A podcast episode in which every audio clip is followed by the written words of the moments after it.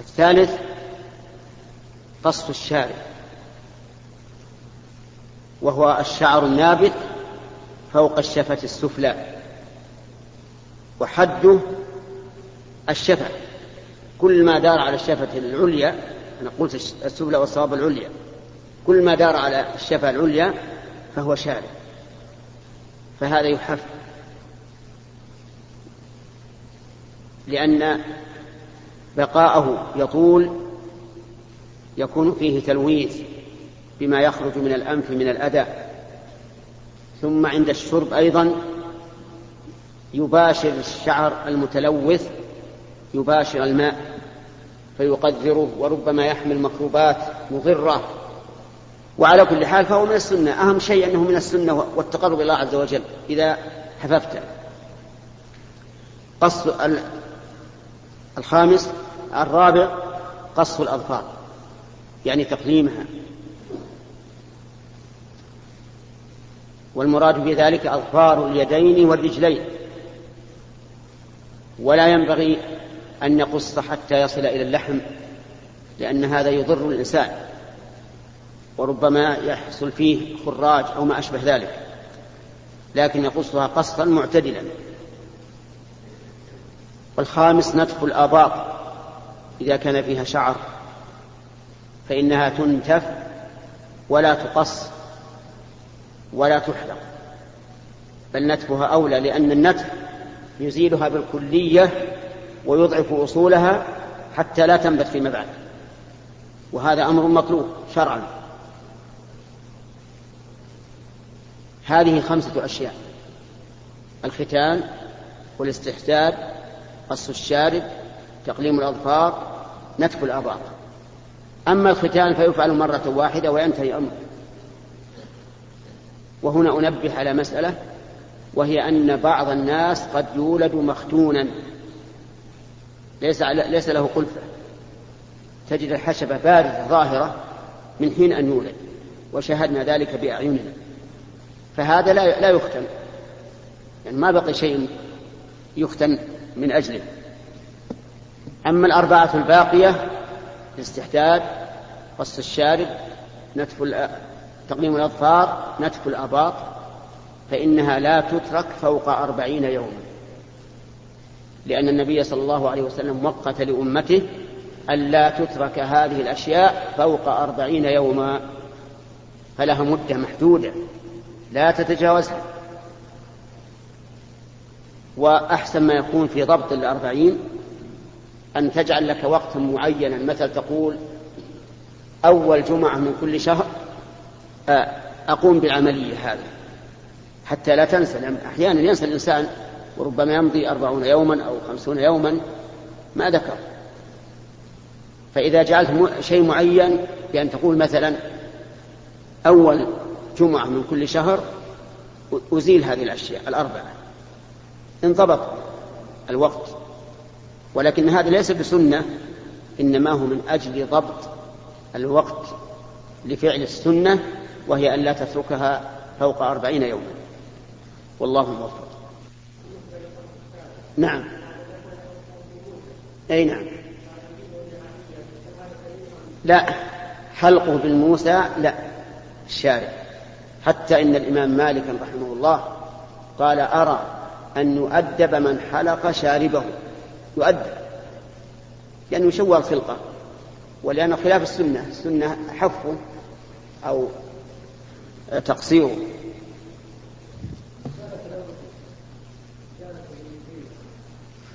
لا الأفضل النتف.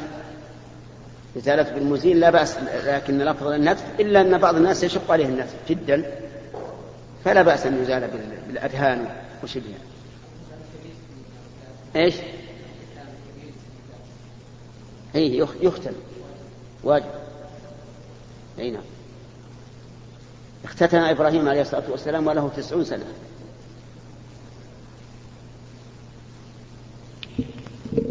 الحمد لله رب العالمين والصلاة والسلام على نبينا محمد وعلى آله وصحبه أجمعين. نقل المؤلف رحمه الله تعالى في سياق الأحاديث في باب فضل السواك وخصال الفطرة.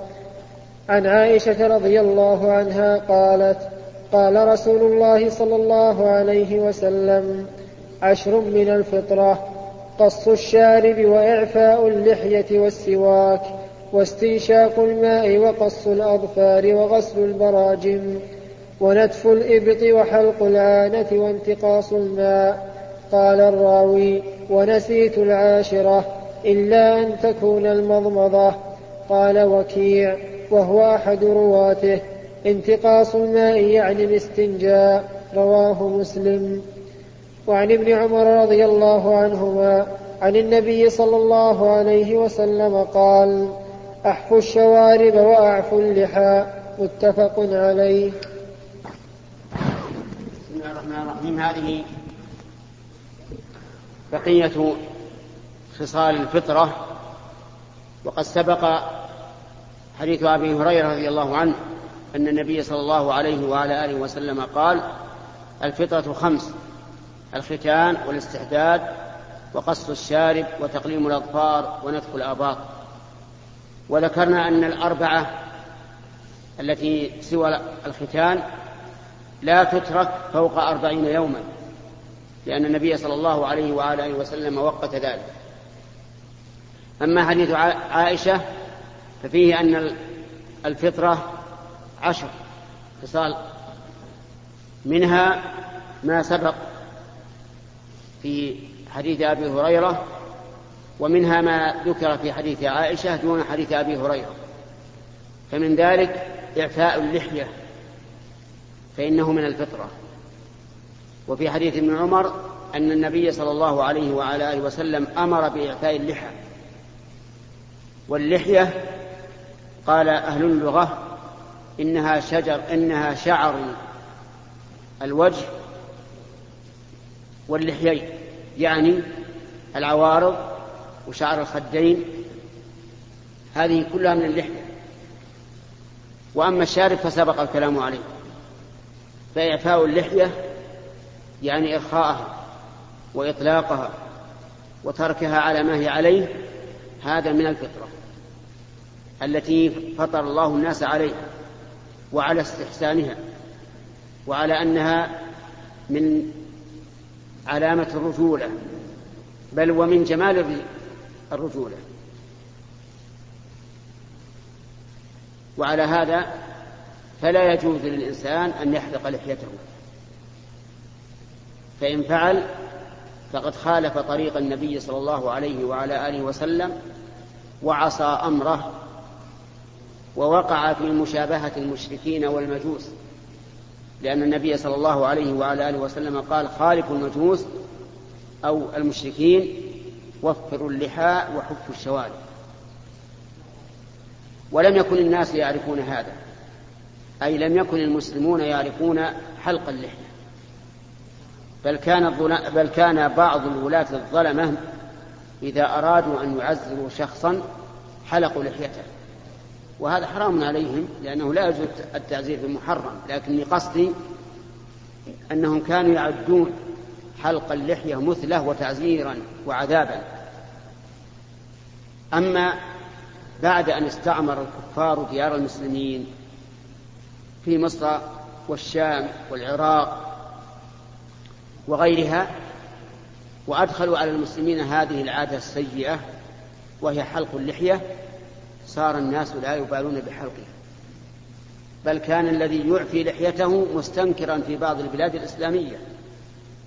وهذه لا شك أنها معصية للرسول عليه الصلاة والسلام. ومن يعصي الرسول فقد عصى الله. ومن يطع الرسول فقد أطاع الله. وإذا ابتلي الإنسان بأحد من أقاربه يحلق لحيته فالواجب عليه أن ينصحه. ويبين له الحق. أما هجره فهذا حسب المصلحة. إذا كان هجره يفيد بترك المعصية فليهجره. وإن كان لا يفيد أو لا يزيد الأمر إلا شدة فلا يهجره. لأن الهجر دواء يستعمل حيث ينفع. وإذا لم ينفع فإن الأصل تحريم هجر المؤمن لقول النبي صلى الله عليه وسلم لا يحل للمؤمن أن يهجر أخاه فوق ثلاث. يلتقيان فيعرض هذا ويعرض هذا وخيرهما الذي يبدأ بالسلام. ومما زيد في هذا الحديث الاستنشاق. الاستنشاق من الفطرة لأنه تنظيف وإزالة أذى لما في الأنف فهو طهارة. والاستنشاق يكون في الوضوء ويكون في غير الوضوء. كلما احتجت إلى تنظيف الأنف فاستنشق الماء ونظف أنفك. وهذا يختلف في اختلاف الناس. من الناس من لا يحتاج إلى هذا إلا في الوضوء ومن الناس من يحتاج إليه كثيرا. ومن ذلك أيضا المضمضة فإنها من الفطرة. لأن فيها تنظيف الفم والفم يحتاج إلى تنظيف لأنه يمر به الأكل والدهن وما أشبه ذلك فيحتاج إلى تنظيف. فكانت المضمضة من خصال الفطرة. ومن ذلك أيضا الاستنجاء كما فسره وكيع فسر وكيع انتقاص الماء بأنه الاستنجاء لأن الاستنجاء تنظيف وتطهير وإزالة أذى ومن ذلك أيضا غسل البرامج البراجم غسل البراجم. والبراجم قال العلماء إنها مسقط الأصابع. فإن مسقط الأصابع من الباطن يحتاج إلى تنظيف أكثر من ظاهرها لأن ظاهرها ممسوح ما في شيء يحتاج إلى تنظيف أكثر. وفي هذا الحديث دليل على أن إعفاء اللحية مع كونه مخالفة للمشركين من خصال الفطرة. فيندفع بذلك شبهة من شبه وقال إن من من الكفار اليوم من يعفي لحيته. أفلا يليق بنا أن نخالفهم ونحلق اللحى؟ شوفوا والعياذ بالله الشيطان. فنقول إن إعفاءهم اللحية تبع للفطرة ونحن مأمورون بالفطرة. وإذا شابهون هم بالفطرة فإننا لا نمنعهم ولا يقتضي أن أن نعجل عن الفطرة من أجل أنهم وافقون فيها. كما أنهم لو وافقونا في تقليم الأظفار فإننا لا نقول نترك تقليم الأظفار بل نقلمها. وهكذا بقية الفطرة إذا وافقنا فيها الكفار فإننا لا نعدل عنها. والله موفق.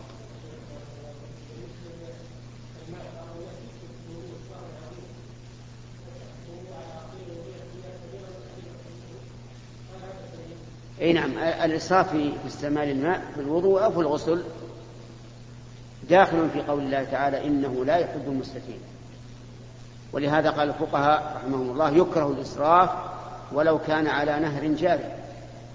فكيف إذا كان على مكائن تستخرج الماء؟ فالحاصل ان الإسراف في الوضوء وغير الوضوء من الأمور المذمومة.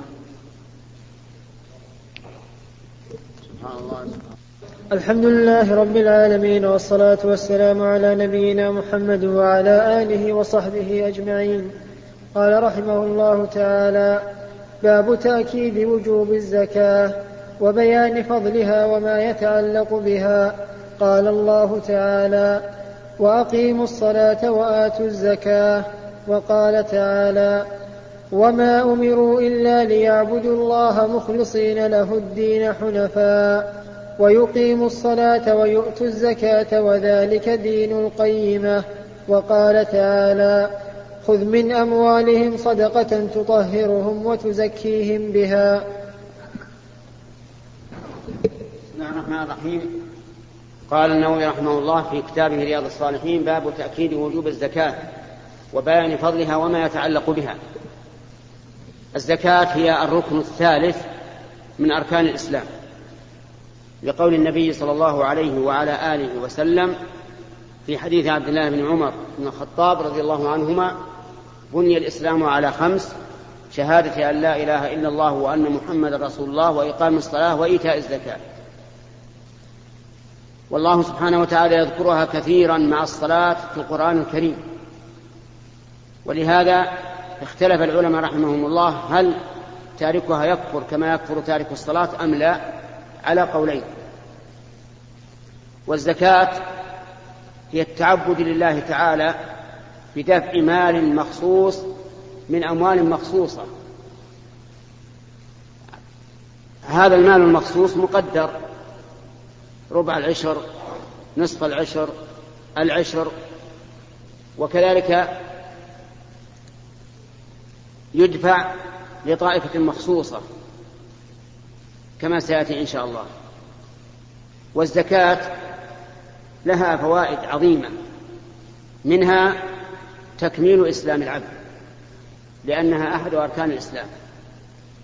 وهي أفضل من الصدقة يعني لو أدى الإنسان مئة ريال زكاة أو مئة ريال صدقة تطوع. كانت مئة ريال الزكاة أحب إلى الله عز وجل وأفضل. ومنها أن الإنسان يخرج بها عن دائرة البخلاء إلى دائرة الكرماء لأنها بذل المال والبخل إمساك المال. فإذا بذلها الإنسان خرج عن كونه بخيلا إلى كونه كريما. ومنها مضاعفة الحسنات لأن الذين ينفقون أموالهم في سبيل الله مثلهم كمثل حبة أنبت سبع سنابل في كل سنبلة مئة حبة يعني ريال سبعمائة ريال أو أكثر. ومنها أن فيها جبرا لقلوب الفقراء ودفعا لحاجتهم وحماية من غضبهم. لأن الفقراء إذا لم إذا لم يعطوا من مال الأغنياء فربما يغضبون ويتجرؤون ويكرهون الأغنياء ويرون أنهم في واد والأغنياء في واد والأمة الإسلامية أمة واحدة يجب أن يعتقد كل إنسان أنه لبنة في سور في, في سور قصر مع إخوانه المسلمين. لقول النبي عليه الصلاة والسلام المؤمن للمؤمن كالبنيان يشد بعضه بعضا. ومنها أنها سبب لشرح الصدر.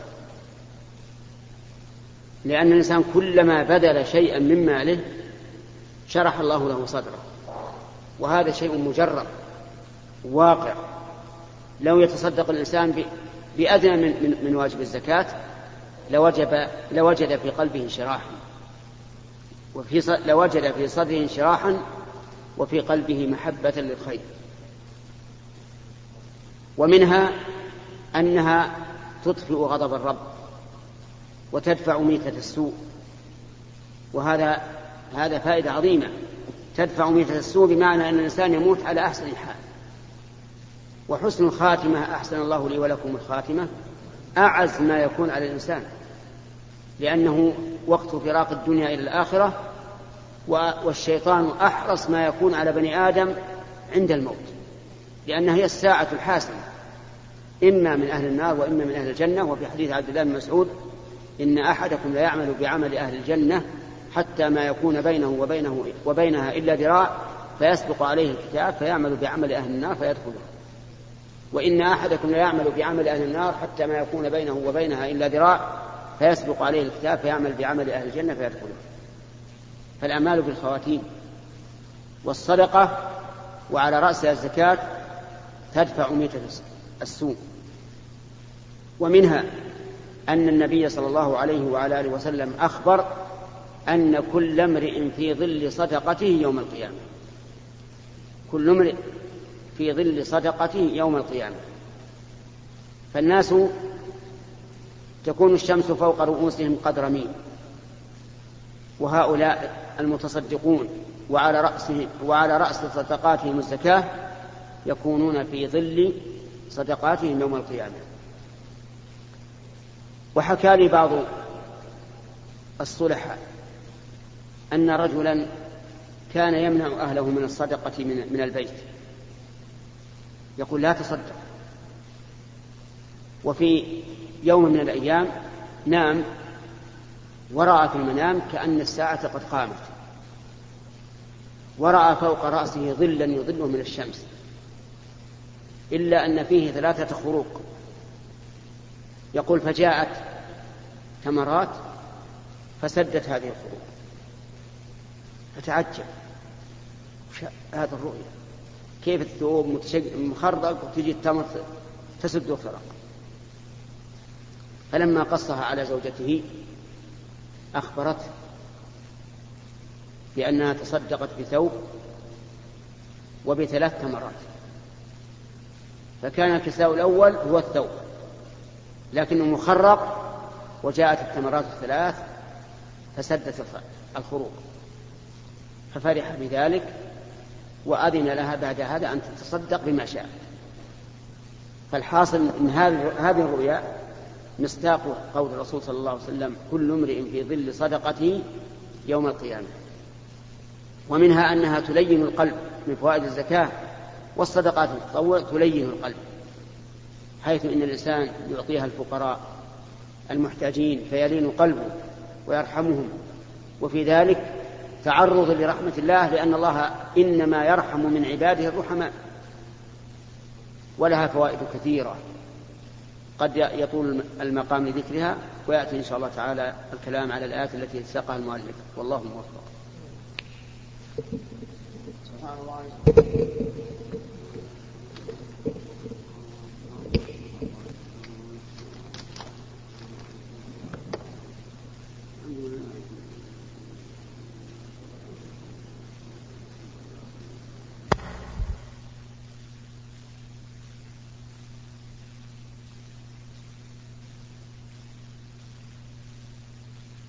والصلاة والسلام على نبينا محمد وعلى آله وصحبه أجمعين. قال رحمه الله تعالى باب تأكيد وجوب الزكاة وبيان فضلها وما يتعلق بها. قال الله تعالى وأقيموا الصلاة وآتوا الزكاة. وقال تعالى وما أمروا إلا ليعبدوا الله مخلصين له الدين حنفاء. ويقيموا الصلاة ويؤتوا الزكاة وذلك دين القيمة. وقال تعالى خذ من أموالهم صدقة تطهرهم وتزكيهم بها. بسم الله الرحمن الرحيم. قال النووي رحمه الله تعالى في كتابه رياض الصالحين باب تأكيد وجوب الزكاة وبيان فضلها وما يتعلق بها. ثم ذكر آيات ثلاثا الآية الأولى قوله تعالى وأقيموا الصلاة وآتوا الزكاة. فإقامة الصلاة أن تأتي بها مستقيمة على الوجه الذي ورد عن النبي صلى الله عليه وعلى آله وسلم. وإيتاء الزكاة هو إعطاؤها لمستحقها وقد سبق بيان معنى الزكاة وبيان فوائدها. ما يسره الله تعالى في درس الأمس. ثم ذكر الآية الثانية وهي قوله تعالى وما أمروا إلا ليعبدوا الله مخلصين له الدين حنفاء ويقيموا الصلاة ويؤتوا الزكاة وذلك دين القيم. ما أمروا يعني بذلك الناس إلا ليعبدوا الله أن يتذللوا له بالعبادة بكل ما تعبدهم به من عقيدة أو قول أو عمل. مخلصين له الدين أي مخلصين له العمل. وإخلاص العمل لله أن لا يبتغي الإنسان بعمله شيئا سوى الله عز وجل.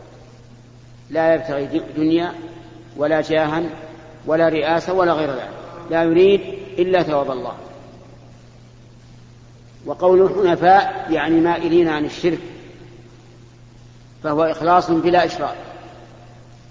ويقيم الصلاة ويؤتوا الزكاة وهذا هو الشاهد في قوله ويؤتوا الزكاة. وذلك دين القيمة. ذلك أي عبادة الله تعالى مخلصين له الدين وإقام الصلاة وإيتاء الزكاة دين القيمة أي دين أي دين الملة القيمة.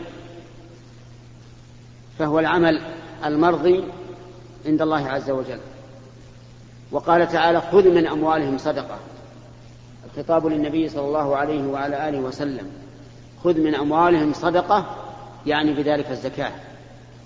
تطهرهم وتزكيهم بها وصل عليهم. تطهرهم من الذنوب والأخلاق, والأخلاق الرذيلة. أما كونها تطهر من الذنوب فلقول النبي صلى الله عليه وعلى آله وسلم الصدقة تطفئ الخطيئة كما يطفئ الماء النار. وأما كونها تطهر من الأخلاق الرذيلة فلأنها تلحق الإنسان بالكرماء والمحسنين بما يبذله من, من أموال الزكاة للمستحقيها.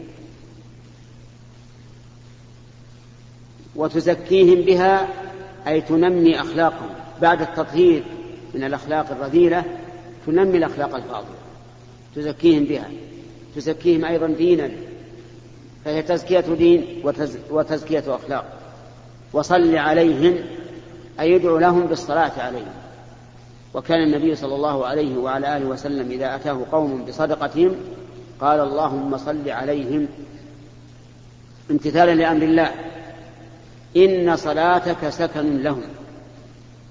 صلاتك عليهم يعني دعاءك لهم بالصلاة سكن لهم. تسكن إليه نفوسهم وتطمئن قلوبهم وتنشرح صدورهم. ويسهل عليهم بذل الماء والله سميع عليم. ففي هذه الآية الثلاث دليل على وجوب الزكاة وأنها من أفضل الأعمال. ويأتي إن شاء الله الكلام في الأحاديث فيما بعد. قال رحمه الله تعالى باب تأكيد وجوب الزكاة. عن ابن عمر رضي الله عنهما أن رسول الله صلى الله عليه وسلم قال بني الإسلام على خمس شهادة أن لا إله إلا الله وأن محمدا عبده ورسوله وإقام الصلاة وإيتاء الزكاة وحج البيت وصوم رمضان متفق عليه.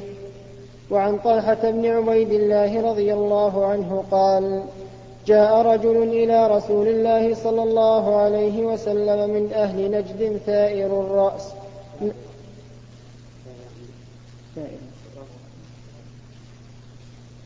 جاء رجل إلى رسول الله صلى الله عليه وسلم من أهل نجد ثائر الرأس.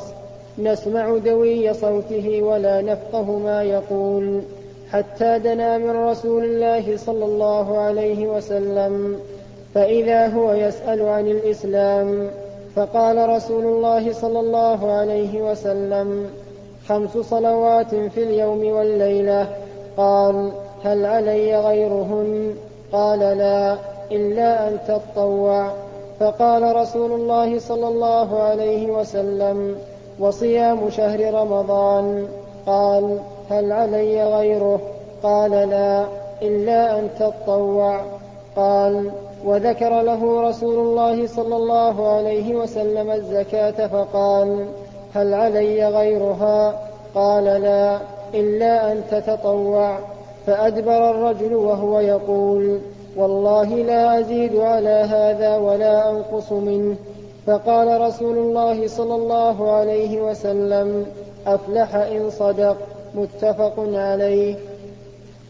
وعن ابن عباس رضي الله عنه أن النبي صلى الله عليه وسلم بعث معاذا رضي الله عنه إلى اليمن فقال ادعهم إلى شهادة أن لا إله إلا الله وأني محمد رسول الله فإنهم أطاعوك لذلك فأعلمهم أن الله تعالى افترض عليهم خمس صلوات في كل يوم وليلة فإنهم أطاعوا لذلك. فأعلمهم أن الله افترض عليهم صدقة تؤخذ من أغنيائهم وترد على فقرائهم. متفق عليه. بسم الله الرحمن الرحيم. هذه الأحاديث الثلاثة ذكرها النووي رحمه الله في كتابه رياض الصالحين في باب وجوب الزكاة. أما حديث عبد الله بن عمر رضي الله عنهما وهو قول النبي صلى الله عليه وعلى آله وسلم بني الإسلام على خمس فقد تقدم الكلام عليه مفصلا ولا حاجة إلى إعادته وأما حديث طلحة بن عبيد الله في قصة الرجل النجدي الذي جاء ثائر الرأس يسمعون صوته ولا يفقهون ما يقول وسأل النبي صلى الله عليه وعلى آله وسلم عن الإسلام فذكر له خمس صلوات وصيام رمضان والزكاة. ولم يذكر شهادة أن لا إله إلا الله وأن محمد رسول الله لعلمه صلى الله عليه وعلى آله وسلم بأنه قد فقه وشهد بها لأنه جاء مسلما لكن يريد أن يستفصل عن تفاصيل بعض الأشياء. وفي قوله صلى الله عليه وعلى آله وسلم لهذا الرجل لما ذكر خمس صلوات وصيام رمضان والزكاة قال هل علي غيرها؟ قال لا إلا أن تتطوع. فدل هذا على أن على أنه لا يجب في اليوم والليلة أكثر من صلاة من خمس صلوات. فالوتر ليس بواجب لكنه سنة مؤكدة. ودخول وتحية المسجد ليست بواجبة لكنها سنة مؤكدة. وصلاة العيدين ليست بواجبة. لكنها سنة مؤكدة. وكذلك أيضا ما اختلف فيه العلماء. هكذا ذهب بعض أهل العلم وجعل, وجعل هذا الحديث أصلا في عدم وجوب ما ذكر. ولكن عند التأمل ليس فيه دليل لذلك. يعني أنه لا يدل على عدم وجوب تحية المسجد وعلى عدم وجوب صلاة العيد وما أشبهه. لأن هذه صلوات لها أسباب عارضة تجب بوجود أسبابها إلا أن القول الراجح أن تحية المسجد ليست بواجبة لكنها سنة مؤكدة أما صلاة العيد فواجبة لأن النبي صلى الله عليه وعلى آله وسلم أمر حتى الحيض من النساء وذوات الخدور أن. والعواتق أن يخرجن ويصلين إلا أن الحيض يعتزلن المصلى وأما الوتر فنعم في الحديث دليل على أنه ليس بواجب لأن الوتر يتكرر يوميا ولو كان واجبا لبينه الرسول عليه الصلاة والسلام لهذا الرجل. فالصواب أن الوتر سنة مؤكدة وليس بواجب لو تركه الإنسان لا يأثم لكن من داوم على تركه سقطت عدالته. قال الإمام أحمد رحمه الله من ترك الوتر فهو رجل سوء لا ينبغي أن تقبل له شهادة. وأما صيام رمضان نعم فلا يجب أن يصوم غيره. لا يجب وهو لا يسن لا يجب أن يصوم غيره. اللهم إلا في النذر فإن النبي صلى الله عليه وعلى آله وسلم قال من نذر أن يطيع الله فليطيع. وأما الزكاة فلا يجب غيرها أيضا في المال إلا ما كان سببا ما كان له سبب كالنفقة على الزوجة والأقارب وكضيافة الضيف وما أشبه ذلك مما له سبب معين يجب بوجود السبب. وأما وقول النبي عليه الصلاة والسلام ولما أدبر الرجل قال والله لا أزيد على هذا ولا أنقص. عاهد الله عهدا بيمين أن لا يزيد على هذا ولا ينقص. فقال النبي صلى الله عليه وسلم أفلح إن صدق. أفلح إن صدق. وهذا دليل على أن الإنسان إذا اقتصر على الواجب في الشرع فإنه مفلح. ولكن لا يعني هذا أنه لا يسن أن يأتي بالتطوع لأن التطوع تكمل به الفرائض يوم القيامة. وكم من إنسان أدى الفريضة وفيها خلل وفيها خروق وفيها خدوش تحتاج إلى تكميل وإلى رأب الصدر أما حديث ابن عباس رضي الله عنهما في بعث النبي صلى الله عليه وسلم معاذا إلى اليمن فقد سبق الكلام عليه أيضا فلا حاجة إلى إعادته. لكن فيه أن أن الرسول عليه الصلاة والسلام قال أعلمهم أن الله افترض عليهم صدقة في أموالهم تؤخذ من أغنيائهم فترد على فقرائهم وهذا هو الشاهد لهذا الباب. والله موفق. المؤلف رحمه الله تعالى في سياق الأحاديث في باب تأكيد وجوب الزكاة. عن ابن عمر رضي الله عنهما قال قال رسول الله صلى الله عليه وسلم أمرت أن أقاتل الناس حتى يشهدوا أن لا إله إلا الله وأن محمدا رسول الله ويقيموا الصلاة ويؤتوا الزكاة فإذا فعلوا ذلك عصموا مني دماءهم وأموالهم إلا بحق الإسلام وحسابهم على الله متفق عليه. وعن أبي, هريرة وعن أبي هريرة رضي الله عنه قال لما توفي رسول الله صلى الله عليه وسلم وكان أبو بكر رضي الله عنه وكفر من كفر من العرب فقال عمر رضي الله عنه كيف تقاتل الناس وقد قال رسول الله صلى الله عليه وسلم أمرت أن أقاتل الناس حتى يقولوا لا إله إلا الله فمن قالها فقد عصم مني ماله ونفسه إلا بحقه وحسابه على الله. فقال أبو بكر والله لأقاتلن من فرق بين الصلاة والزكاة فإن الزكاة حق المال. والله لو منعوني عقالا كانوا يؤدونه إلى رسول الله صلى الله عليه وسلم لقاتلتهم على منعه. قال عمر رضي الله عنه فوالله ما هو إلا أن رأيت الله قد شرح صدر أبي بكر للقتال فعرفت أنه الحق. متفق عليه.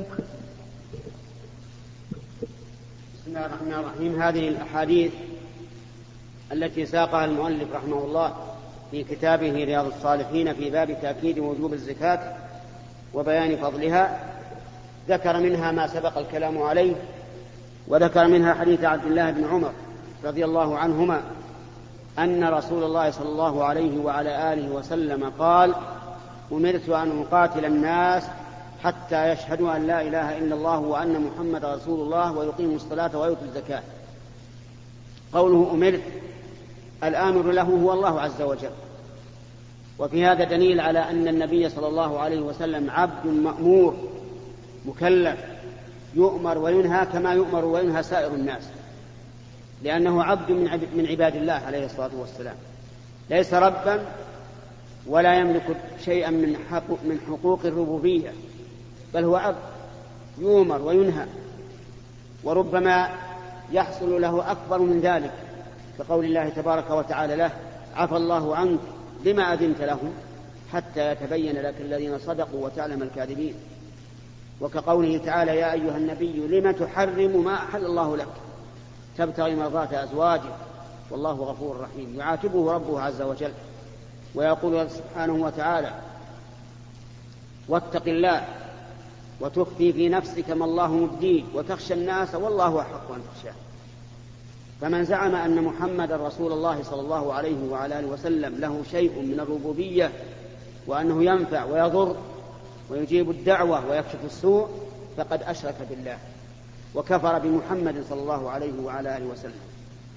يقول عليه الصلاة والسلام أمرت أن أقاتل الناس حتى يشهدوا أن لا إله إلا الله وأن محمد رسول الله ويقيموا الصلاة ويؤتوا الزكاة. يقاتل من امتنع من واحد من هذه الأربع من شهادة أن لا إله إلا الله وأن محمد رسول الله ومن إقام الصلاة ومن إيتاء الزكاة. يقاتلهم حتى يذعنوا ويرضخوا لهذه الأربع. فإذا فعلوا ذلك يعني شهدوا أن لا إله إلا الله وأن محمد رسول الله وأقاموا الصلاة وآتوا الزكاة عصموا مني دماءهم وأموالهم إلا بحقها وحسابهم على الله عز وجل. يعني إذا فعلوا ذلك فقد استسلموا ظاهرا فيعصمون دماءهم وأموالهم وحسابهم على الله لأن من الناس من يقول أشهد أن لا إله إلا الله وأن محمد رسول الله ويقيم الصلاة ويؤتي الزكاة ويؤتي الزكاة وقلبه منطو على الكفر. ولهذا قال حسابهم على الله. فالمنافقون يقولون لا إله إلا الله لكن لا يذكرون الله إلا قليلا. ويقولون نشهد أن للرسول عليه الصلاة والسلام نشهد إنك لرسول الله. ويقيمون الصلاة ولكن لا يأتون الصلاة إلا وهم كسالى. ويتصدقون ولكن لا ينفقون إلا وهم كارهون. ومع ذلك قلوبهم منطوية على الكفر نسأل الله العافية. ولهذا قال حسابهم على الله عز وجل. ثم ذكر رحمه الله حديث أبي هريرة في تحاور أبي بكر الصديق رضي الله عنه الخليفة الأول لرسول الله صلى الله عليه وعلى آله وسلم وعمر بن الخطاب الخليفة الثاني لرسول الله صلى الله عليه وسلم تحاورا في مسألة دينية مع أن كل واحد منهما يحب الآخر حبا عظيما. لكن هذه المحبة لا تمنع من المحاورة والمراجعة الدينية لأن الدين فوق كل شيء.